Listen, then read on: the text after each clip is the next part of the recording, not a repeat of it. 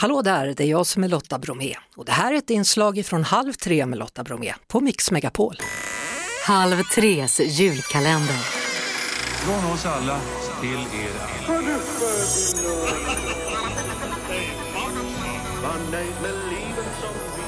Nej men kolla, titta där, Katarina König, hej! Hej! Där var du i vår lucka nummer sju. Ja! Spännande!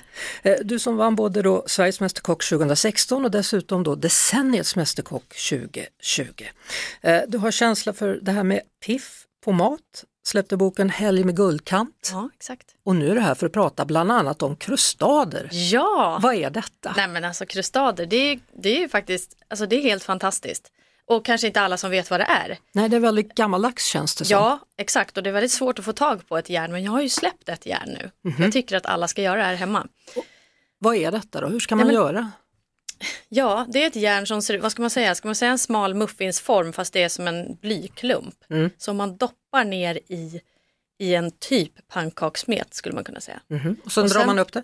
Sen drar man upp det sakta och sen ska den ner i het olja så den ska friteras. Oj. Sen har jag så piffigt tagit med färdiga krustader. Jag har förberett lite här Mm. som man brukar Ja, säga. Såklart. Och då blir det en liten sån här. Vet du vad, jag såg ju det på håll här och jag trodde faktiskt det var en muffinsform, men det är det ju inte. Då, utan det är så tunna blir de när de kommer upp. Mhm. Som chips. Och så fyller man ju de här med något himla gott. Vad kan det vara till exempel? Oj, det kan vara löjrom, crème fraîche löjrom, oj. rödlök. Det kan vara en hummerröra, nyår, eh, skagenröra. Du kan fylla den med en eh, råbiff, tartar. Alltså, det finns- Råpiff också? Ja. Absolut, alltså vad som helst och det är perfekt för man tar typ en tugga så är det klart och inget kladd. Perfekt, och det passar också tycker du då på ett julbord antar jag. Ja, det tycker jag. Eh, hur, hur avancerad måste man vara för att klara av det här? Vilken matlagningsnivå är man på? Vad rör man sig om? Nej, men alltså, så länge man följer instruktionerna på hur man gör så är inte det här svårt. Det är bara att följa receptet. Okej, Och det är verkligen, det är lite pilligt, det tar lite tid, det tar typ två tre minuter per krustad. Så det är verkligen ett hantverk. och det är verkligen tålamod. Eh, ja. Ja. jag, jag har förstått att du har ju de, de mesta av maskiner och redskap hemma i ditt kök då. Jag tänkte att vi skulle ha lite julklappstips här kanske till den som gillar att laga mat men också till den som borde spendera mer tid i, i köket. Så vi delar upp det i tre delar. Nivån lätt till exempel, vad händer där? ja, men då skulle jag säga att mm, jag, jag tyck, tänker och tyck, eller tror ju att eh, de flesta har ett zestjärn hemma.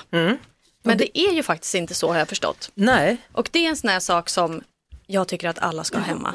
Mm. Funkar att använda till så mycket. Till exempel, släng vitlökspressen, använd zestjärnet, jaha ja. riv vitlöken. Och för den som inte har koll nu då på ett zestjärn, det är ett slags rivjärn, så kan man Ja, säga. ett avlångt ri- rivjärn som inte alls tar mycket plats i köket. Mm. Och Smidigt, du kan riva tryffel på det, parmesan, eh, citronzest.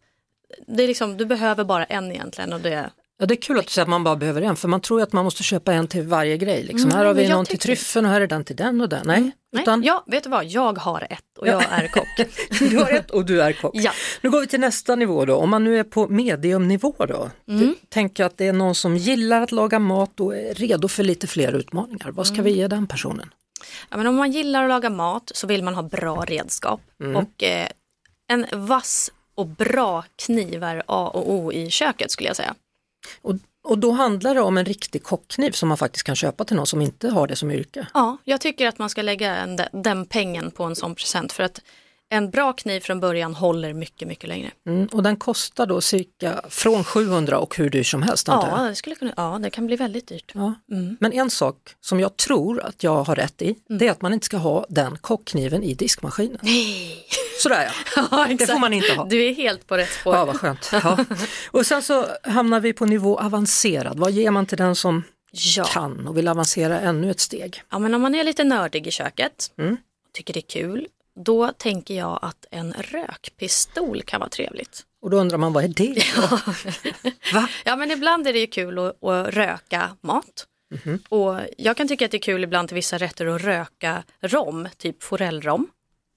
Det gör liksom, det, det, det händer någonting, det får en karaktär som är väldigt trevlig och lite annorlunda. Kan man också använda det till att lägga upp saker, liksom att man serverar någonting och så ryker det ur krustaderna till exempel. Det kan man säkert göra. Men hur gör man? Det får man räkna ut själv. ja men exakt. Ja. Eh, sen vet jag också att du är bra på hacks då i köket och färska örter är ett av dina favorittips. Ja, om, om man känner sig så här att "Ja, men jag är inte bra på att laga mat men jag vill göra något snyggt. Då är det ju ett väldigt, väldigt enkelt tips här att lägga upp snyggt och toppa med färska örter för det lyfter verkligen rätten till en nivå till. Det ser trevligt ut. Mm. Är det någon ört som är mer lämplig än andra? Ja, om man ska dra det så så tycker jag att färsk timjan funkar till det mesta. Det funkar till kött, funkar till fisk. Mm. Den funkar till väldigt mycket så den är bra hemma. Perfekt, tack så jättemycket för dessa julklappstips Ja, det och var ingenting. eh, krustader inte minst då. då.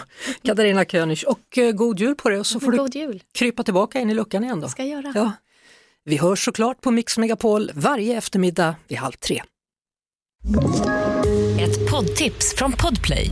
I fallen jag aldrig glömmer djupdyker Hasse Aro i arbetet bakom några av Sveriges mest uppseendeväckande brottsutredningar. Går vi in med hemlig telefonavlyssning och, och då upplever vi att vi får en total förändring av hans beteende. Vad är det som händer nu? Vem är det som läcker? Och så säger han att jag är kriminell, jag har varit kriminell i hela mitt liv men att mörda ett barn, där går min gräns. Nya säsongen av Fallen jag aldrig glömmer på Podplay.